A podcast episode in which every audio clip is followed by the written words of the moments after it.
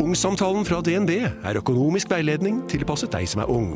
Bukk en ungsamtale på dnb.no. ung. Ok, det var jo en syk døll måte å forklare ungsamtalen på, da. En smart prat om penga mine, ville jeg sagt. Ikke sånn kjedelig økonomisprat, skjønner du. Jonny Haglund har reist over hele verden og har fortalt om et knippe av disse reisene i Avhørt. Nå er vi klare med en egen podkast hvor vi skal få være med Jonny på tur, ledet av vår egen Stein Morten Lier. Og i denne episoden har vi invitert Jonny på besøk for å snakke litt om hva vi kan forvente oss av den nye podkasten Grenseløs.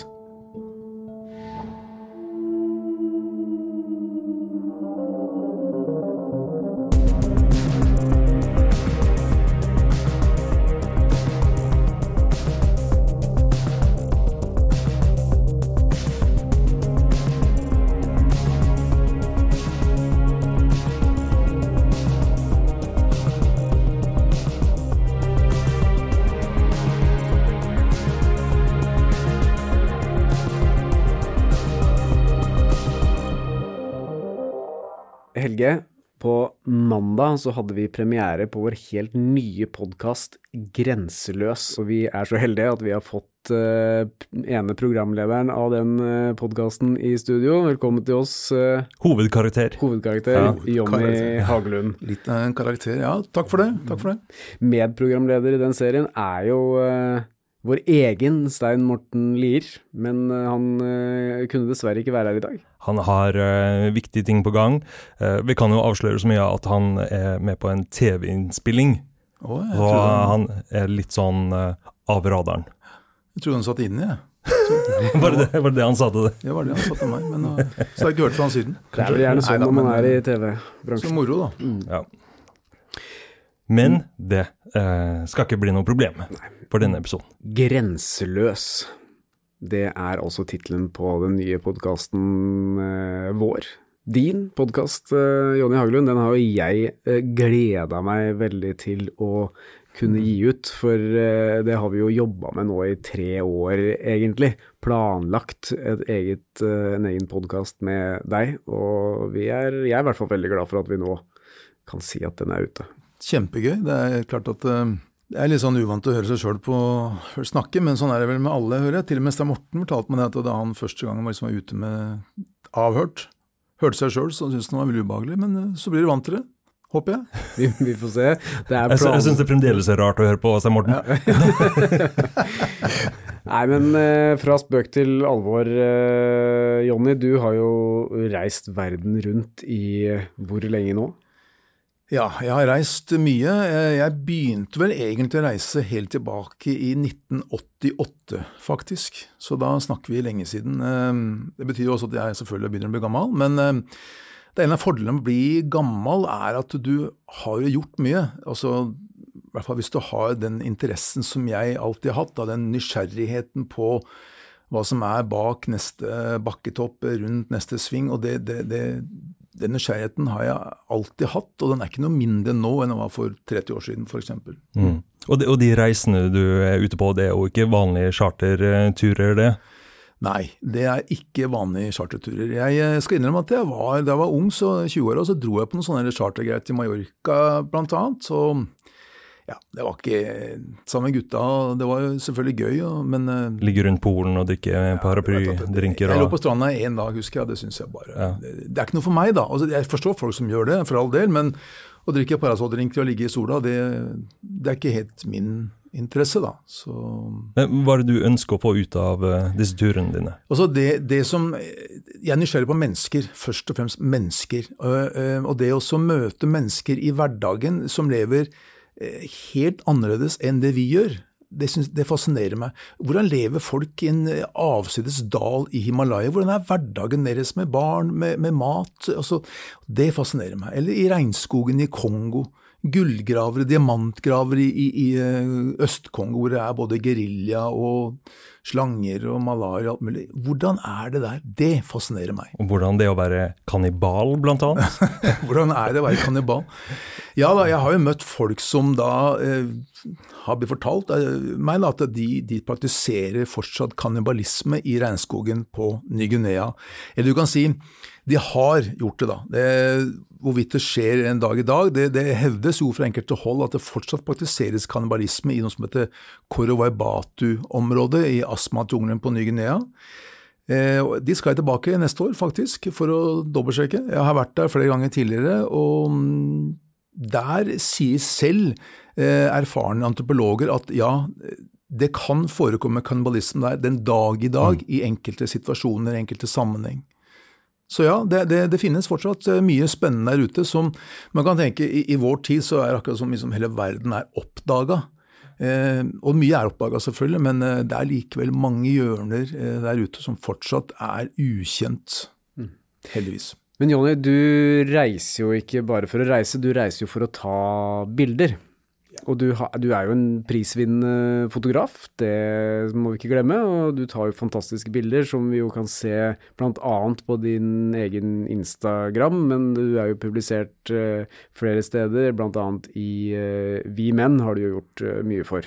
Ja, jobba mye for Vi Menn. Jeg er frilans og alltid vært det. Jeg har faktisk aldri hatt fast jobb. Nei. Og det er jeg litt stolt av. Mm. Ikke engang da du jobba som eh, Veiarbeider? Nei, du jobba som Jeg hørte rykter om at du jobba som eh, modell.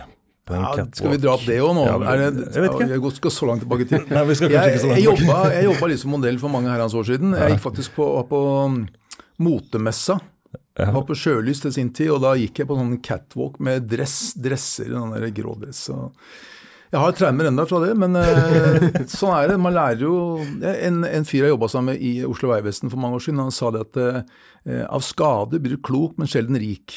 Så modellkarrieren min var vel egentlig Ja, jeg ble klokere, det ble jeg. Mm. Fotografering, det ble jo mer et biprodukt av reisen din, eh, altså, ikke sant? Det er jo det som på en måte har eh, jeg begynte som 14-åring å ta bilder, og jeg har alltid hatt interesse av foto, selv om ingen i min familie eller nære omgangskrets den gang eh, var i nærheten av å tenke på fotografi. ikke sant?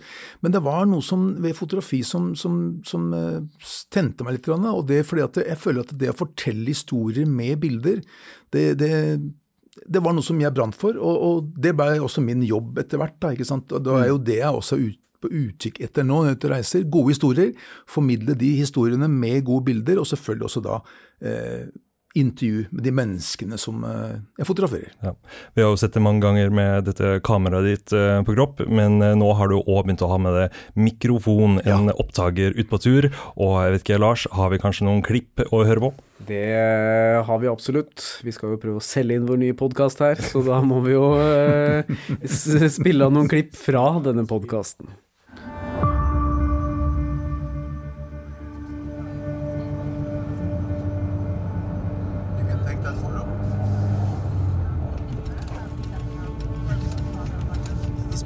Back after that. Walk, get out. I go with him? Okay.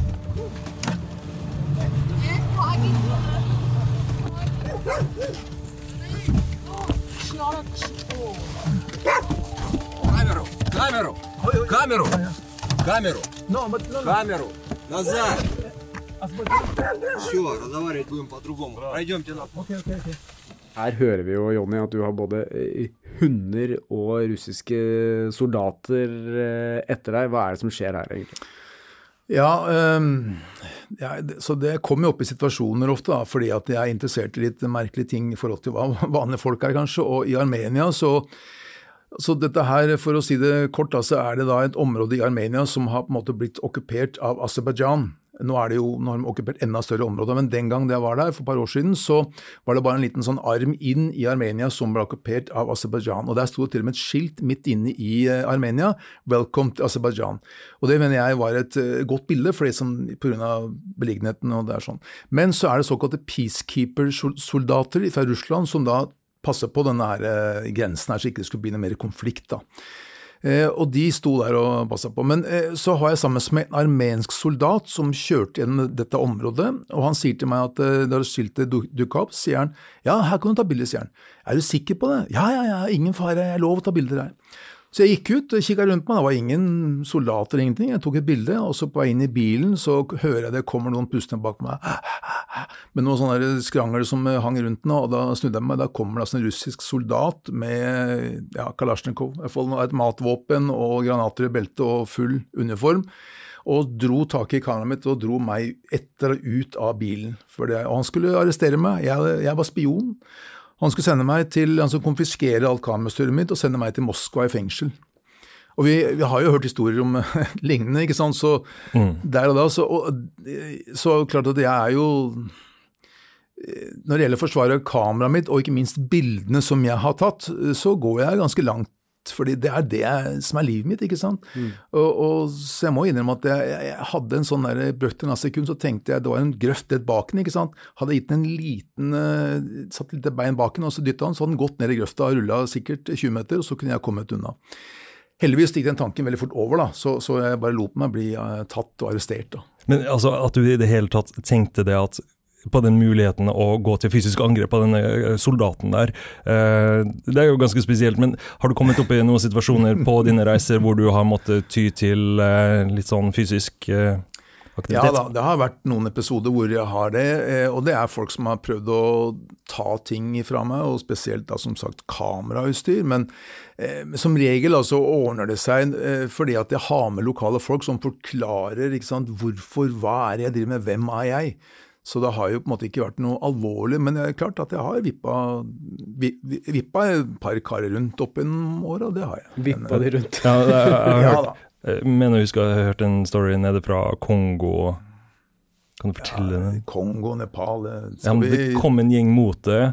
Ja, men også Den som er det, det, er mange Jeg hadde en episode jeg kan si i eh, Nepal, faktisk. Okay. Jeg var en eh, hvis du skal først snakke om sånne der uh, judo-greier, da det, det er, så dette er bare, Ikke tro at, det er, at jeg er ute i verden og slåss. Nei, du, slåss. Men du har litt sånn kampsportbakgrunn òg? Ja, jeg driver med judo i, i hele, hele, livet mitt. Judo ja. og litt bryting og sånt. Også. Ja. men uh, bare så det, jeg er ikke sånt verden rundt med slåsshansker. Det er ikke sånn det bare for, Men bare for å si hva som skjedde. da, i, uh, I Nepal så var det en skole jeg var og besøkte, og det var med små gutter og noen jenter. Og så, han som var lærer der, sånn, han var en, eh, han skulle liksom vise seg da, for oss, og så stilte han barna på rekke og rad. Og så, så, så sjekka han øra til en av gutta, så var han ikke rein i øra. da, tydeligvis Så fika han til lille gutten, også. kanskje ja. en eh, åtte-niåring. Og så fortsatte han. og så Det må jeg ærlig innrømme at det klarte ikke jeg å se på. Så jeg gikk bort og så tok jeg tak i den og så heiv jeg den rundt. La han i bakken og så sa jeg at uh, du, behandler, du, du slår ikke barn. Og det er viktig å påpeke at jeg var med og betalte penger eh, på denne skolen. her da, Finansierte denne skolen. her sånn. Så eh, han ble veldig rar. Rektor og alle ble veldig rare. Men uh, han ble veldig stiv. Han ble veldig ydmyk etterpå. Og flere av de andre lærerne var jo faktisk enige. Jeg snakka med dem etterpå. Så, så jeg var så, så Ok, det var det. Det var den historien. Ferdig. Men du reiser jo ikke alltid alene. Blant annet så er vi jo med på en tur tilbake til eh, Papua, hvor du har vært flere ganger. Hvor du ja. nå reiser sammen med eh, også altså eventyrer Alexander eh, Gamme. Altså han, han, med det store, krusete håret som, ja, har sett, alle har sett ja. på TV. Eh, la oss høre et lite klipp fra den turen. Noen er høye, noen er lave, og noen er sånne jævlar som ligger akkurat der hvor de ikke skal ligge i den høyden hvor du ikke kommer over, og hvor du jaggu omtrent ikke kommer under heller. Men da prøver vi ny teknikk. Sekk først. Funka jo faktisk veldig bra.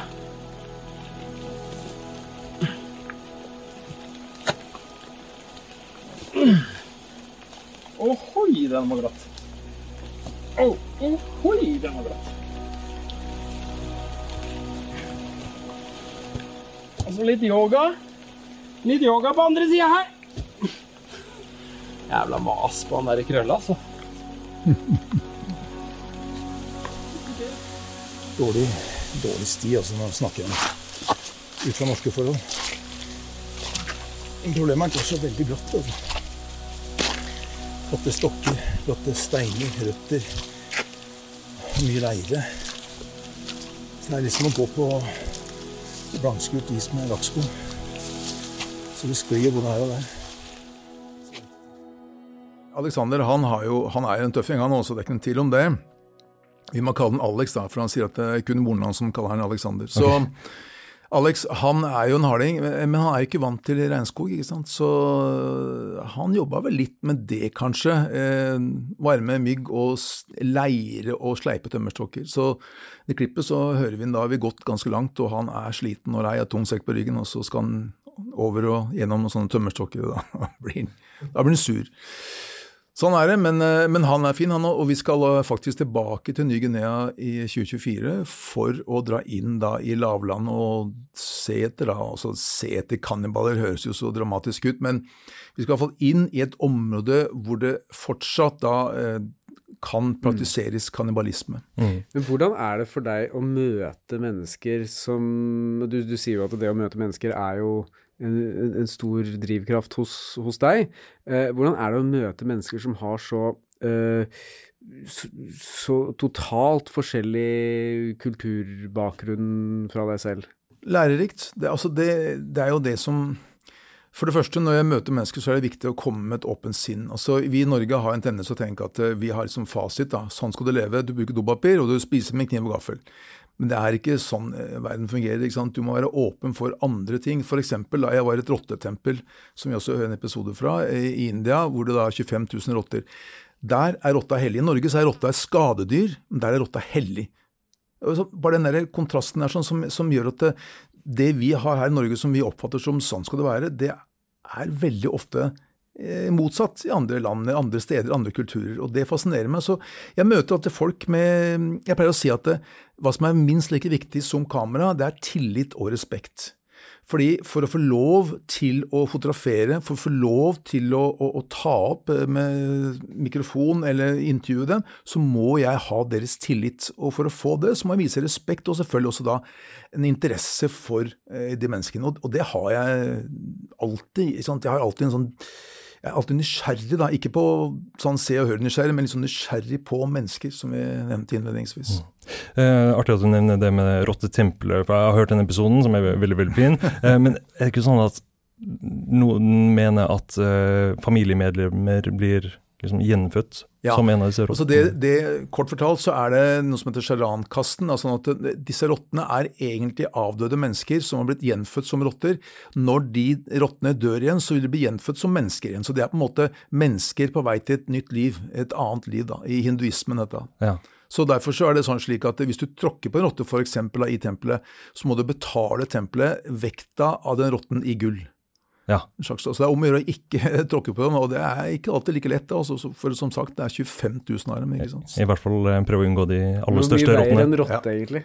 Du skal få vekten i Ja, gull, det er jo ikke ja, da, Dette her er ikke norske glovagrotter, sånne svære på, hals, på kilo, eller halvkilo, men disse her veier jeg tipper 200-300 gram. Mm. Ikke noe mer. Eh, Du har jo vært ute og reist nå i over 30 år, og du drar jo tilbake til mange av de samme stedene. og Et tema som er veldig oppe i dagen, er jo global oppvarming og hvordan eh, jorda endrer seg. Er det noe du har sett på nært hold? Ja, jeg har det også, jeg må ærlig innrømme det. Og det er jo Det er trist. Jeg, for eksempel i Sudan, jeg var nede i, eh, mot grensen til Sør-Sudan, så er det et slags seminomade mennesker som har levd der eh, siden tidenes morgen, og de fortalte det at det bare 20-30 år tidligere så var det gress der som de nå bodde da jeg tok bilder av dem. Mens eh, nå, da jeg møtte dem, så var det rett og slett ørken. De, måtte, de har masse kveg, og for å komme til eh, steder over gresset måtte de gå flere dager for å finne Og ikke bare det, men det som var verst, mente hun, da, var at hver mai, nesten hvert år, så er det sandstormer. Altså stormer som kommer, da. Eh, Tidligere var det ikke noe problem, for da var det gress og busker der, men nå er jo det borte. Så det som blåser opp nå, det er sand, stein og støv. Så det er, det er ganske ja, det er ganske alvorlig, og de har jo overhodet ingen skyld i hva som skjer. De, de veit jo ikke hva det betyr engang. sant? Klima, det, global oppvarming, de har ikke hørt om det. Men hvordan går det inn på deres liv, da? Store, st- store problemer, for det, eh, det de fortalte var at eh, de eh, må dra ut for å finne mat til kvegere. og da er det ofte mennene som drar, og så blir igjen da kvinner og de eldste. Og barn, selvfølgelig. Og da er de mye mer sårbare, for det er litt sånn konflikter i det området der også. at De er mye mer sårbare for eh, ja, andre mennesker som eh, ikke ønsker dem vel. Altså, og mennene er borte kanskje flere uker av gangen før de kommer tilbake. Da. Og så er det også selvfølgelig da, manko på mat, fordi at tidligere så kunne du dyrke masse der. ikke sant? Og det var jo også mat i eh, vegetasjonen, men nå er det borte. Så, og når mennene tar med seg kveget, så er det heller ikke noe melk å få, eller kjøtt. ikke sant? Så det har del, det har en del konsekvenser også for de menneskene. Vi må jo ikke glemme elefanten i rommet, Stein Morten Lier, som Ja, eh, dessverre ikke ja. kunne være her i dag. Men du har jo kjent Stein Morten i mange år, eh, Jonny, og nå tenker jeg Ja. at det er en sånn gyllen mulighet for oss, Helge, å bli kjent med Stein Ja. Morten på et annet vis. For han har jo vært kollegaen vår eh, i noen år nå, men Ja. han er din venn. Ja da, jeg har kjent med Stein Morten i mange, mange år, og, og, og ja da, han vi er, vel ikke, vi, vi er vel ikke helt like, det kan vi si. Han er jo bygd for asfalt, eh, og det er jo kanskje ikke jeg. Eh, Han liker caffè latte, eller hva han drikker for noe. Trippel cortado. Ja, noe sånt når Ja. han drikker, ikke sant. Så det er alltid avansert. Jeg husker han var hjemme hos meg, så serverte jeg en svart kaffe. Han holdt koppen i hånda, og så er han veldig høflig, ikke sant. Ja, god kaffe. Han smakte ikke på én dråpe. Det er Stein Morten. Men han, er, han har reist en del, han også, men han er mer av den ikke sant, korte skritt og høye smørbrød-reising han driver med. Men vi var jo i Peru, vi har vært i Peru faktisk et par-tre ganger, Stein Morten og jeg. Men jeg husker på en reise der hvor vi jeg tror det var første turen han var med meg på. Da Da var vi langt inn i regnskogen. Vi skulle til en eh, tidligere sånn tysk by, på Soso som ligger langt inn i kan si, tåkeskogen da, i Peru. Og Vi hadde bil og sjåfør, og vi kjørte over fjellet og hei. Og så skulle vi fylle drivstoff i en liten landsby. Og Da var det en eh, dame og en liten gutt som eh, fylte bilen, og de vaska og var så flinke. ikke sant? Og så sa Morten vil gjerne gi dem et tips, da, og det er jo selvfølgelig absolutt. Litt tips. Litt Ja. tips, ikke sant? Ja. Men du kan ikke gi fra deg et tips samme li- lik med som de tjener på en måned, ikke sant? For da, da forteller du dem at eh, du, du fattige slask, ikke sant? se her kommer rike folk fra Vesten, vær så god.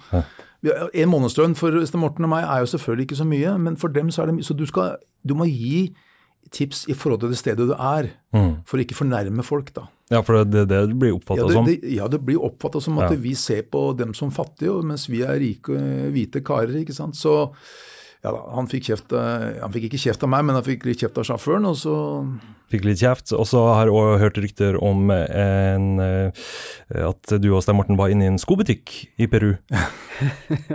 Noe sier meg at den eh, historien her har vi hørt i podkasten tidligere, men den fortjener å bli fortalt på nytt. Hva skjedde der? ja, Kona mi er fra Peru, ikke sant? hun snakker selvfølgelig spansk. Og så var vi på Jockey Plaza, som er et svært kjøpesenter i Lima, hovedstaden.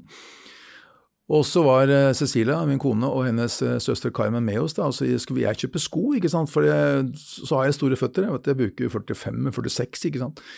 Så vi dro inn i skobutikk, eh, Stein Morten var med da. Så, så snakker jeg, jeg snakker litt spansk, da. nå er jeg jo litt flinkere, men Stein Morten jeg drev og pugga den gangen. da, Så sier jeg det at vi prøver en sko, da, så passer det ikke. ikke sant? Alt er, for, alt er jo for smått.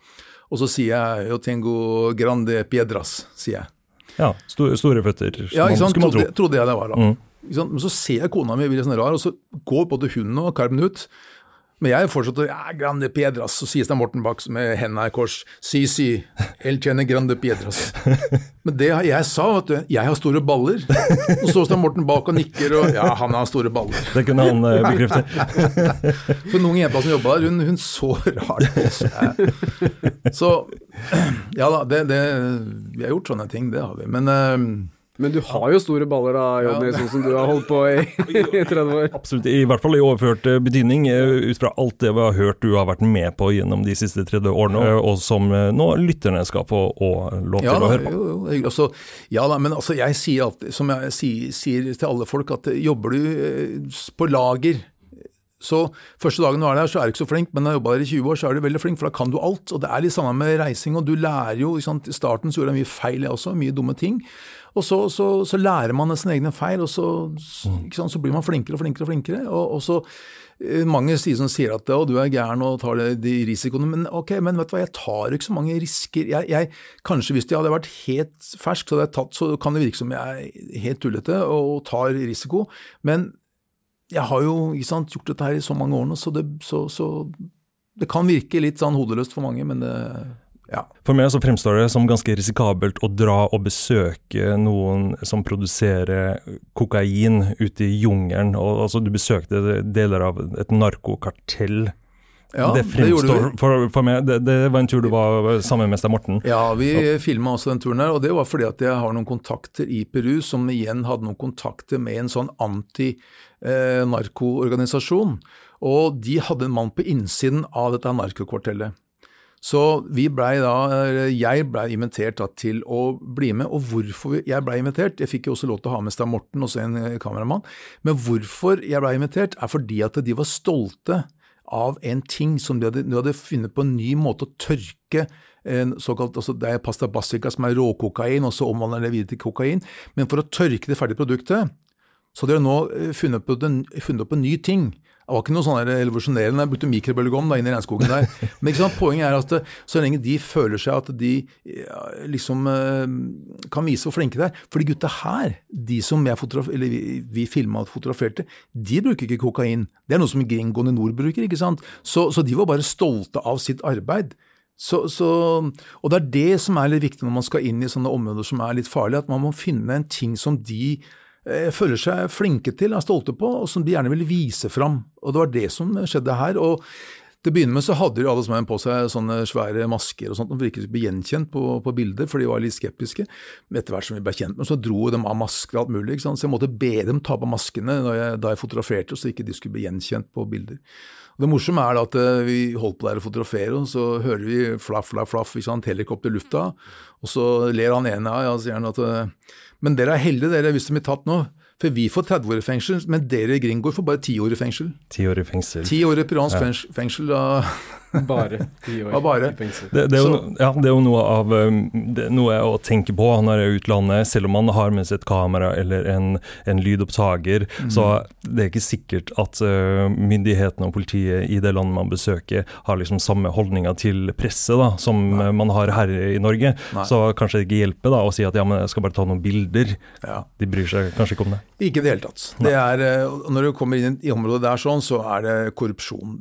Så, altså, hvis du har mye penger, så er det ingen problem. Da kan du fotografere, og du kan til og med ha med deg politivakt inn hvis du betaler nok. Det er faktisk en liten kamp innad i uh, militæret i Forsvaret i Peru om å få lov å bli stasjonert i narkoområdet, fordi at eh, det er så mye penger i bestikkelse fra narkokvartellene. Ja. Så du, du beriker deg, du kan jobbe der noen år, og så har du liksom penger for nesten resten av livet fordi at du da mottar bestikkelser. Det går sånne perioder da, hvor de har sånne, sånne, skal si noen sånne kampanjer hvor de skal liksom ta disse narkokartellene, og da er det litt andre boller. Men, eh, men ja. Men, eh, for det korrupsjon også er en ting jeg selvfølgelig hele tiden også Ja. smaker på. Ja, Man ser jo disse bildene eh, av at eh, store styrker går inn i disse favelaene, f.eks. Ja.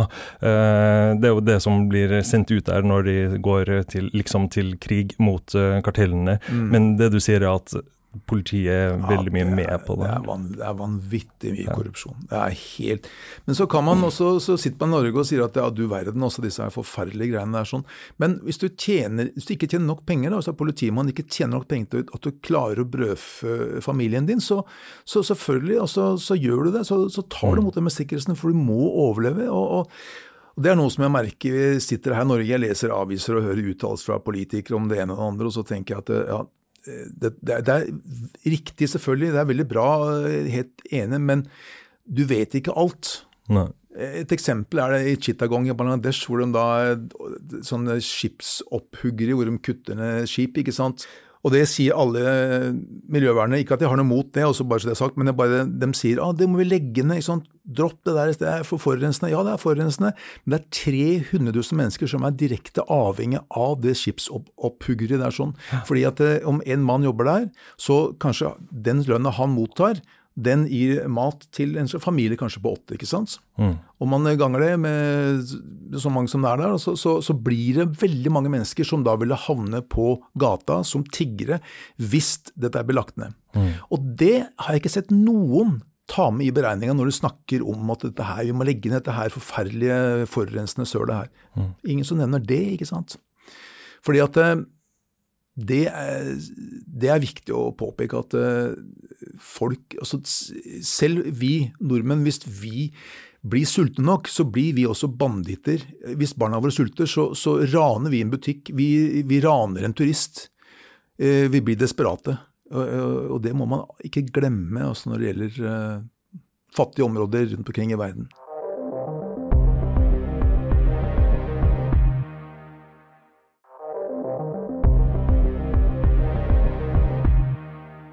Da, da vi tre, Helge Aastad Morten og jeg, starta å jobbe sammen i dette selskapet her i eh, 2020, så hadde jo vi store planer for eh, de forskjellige tingene vi skulle gjøre, og blant annet så hadde jo vi et ønske om å reise verden rundt sammen med deg.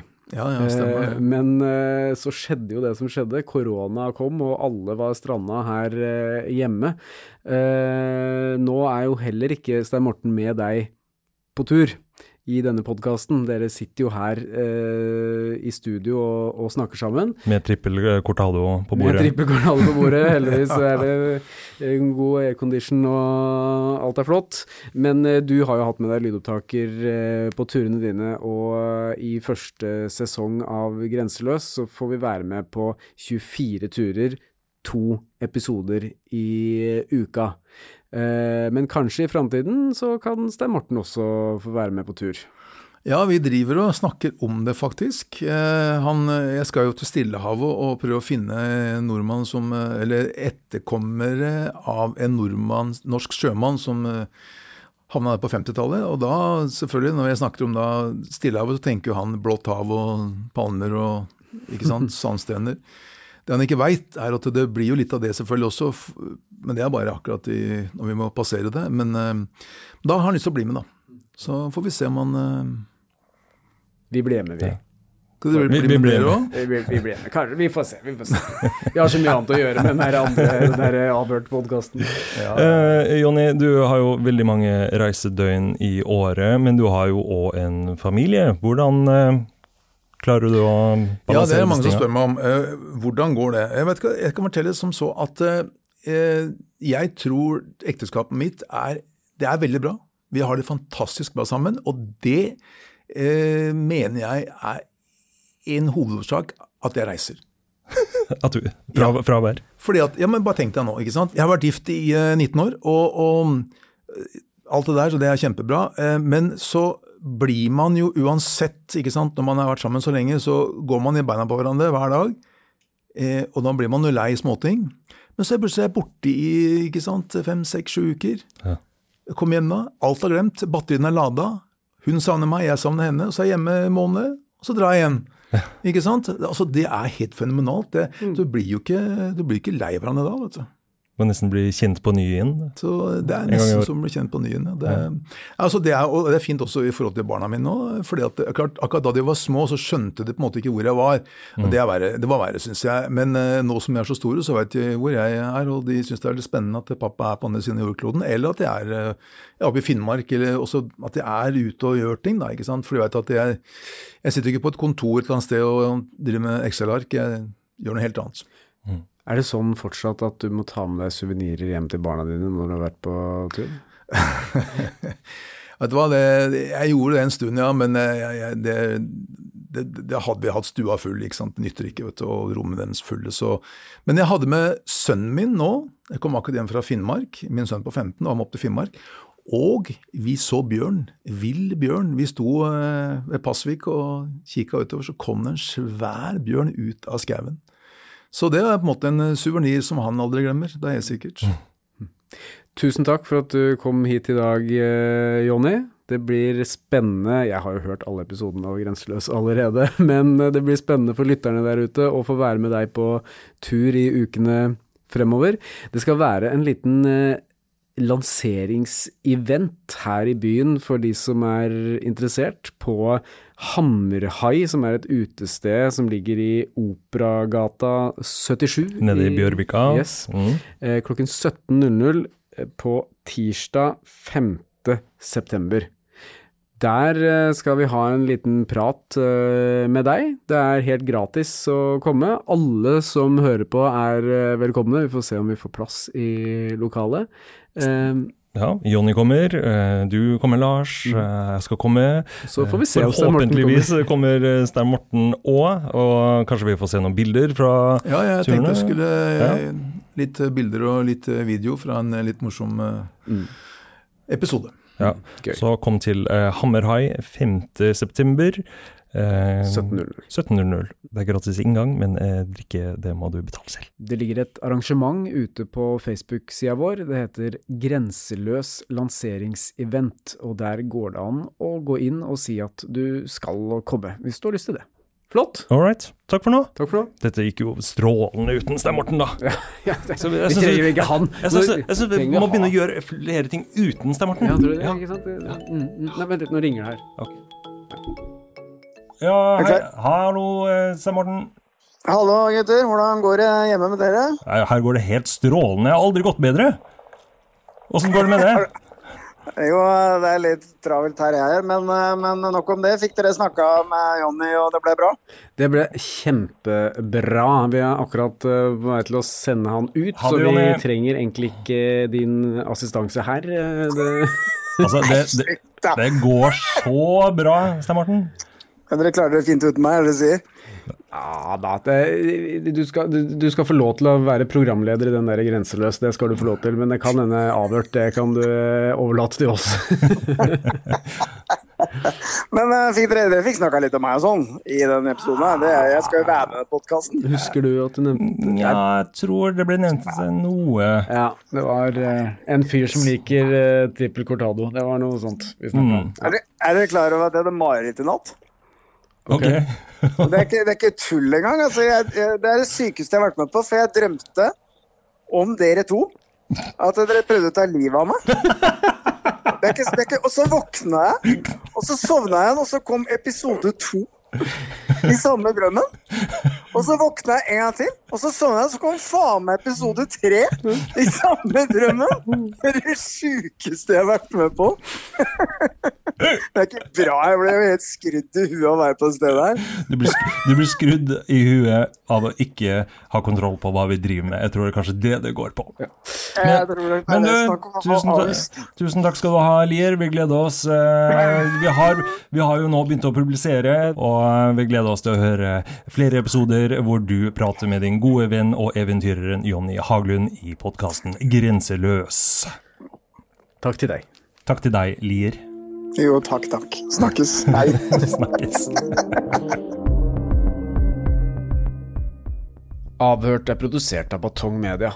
Redaksjonen vår består av Stein Morten Lier, Helge Molvær og Lars Christian Nygårdstrand. Temamusikken vår er laget av Altered States, og du finner oss på Facebook og Instagram.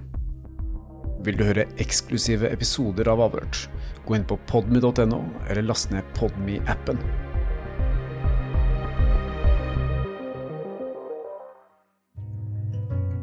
Hvis du setter pris på Avhørt og syns at den jobben vi gjør er viktig, så kan du støtte oss ved å vippse til 8075 99, eller søke opp Batong Media i vips appen Og vi setter stor pris på alle bidrag, store og små.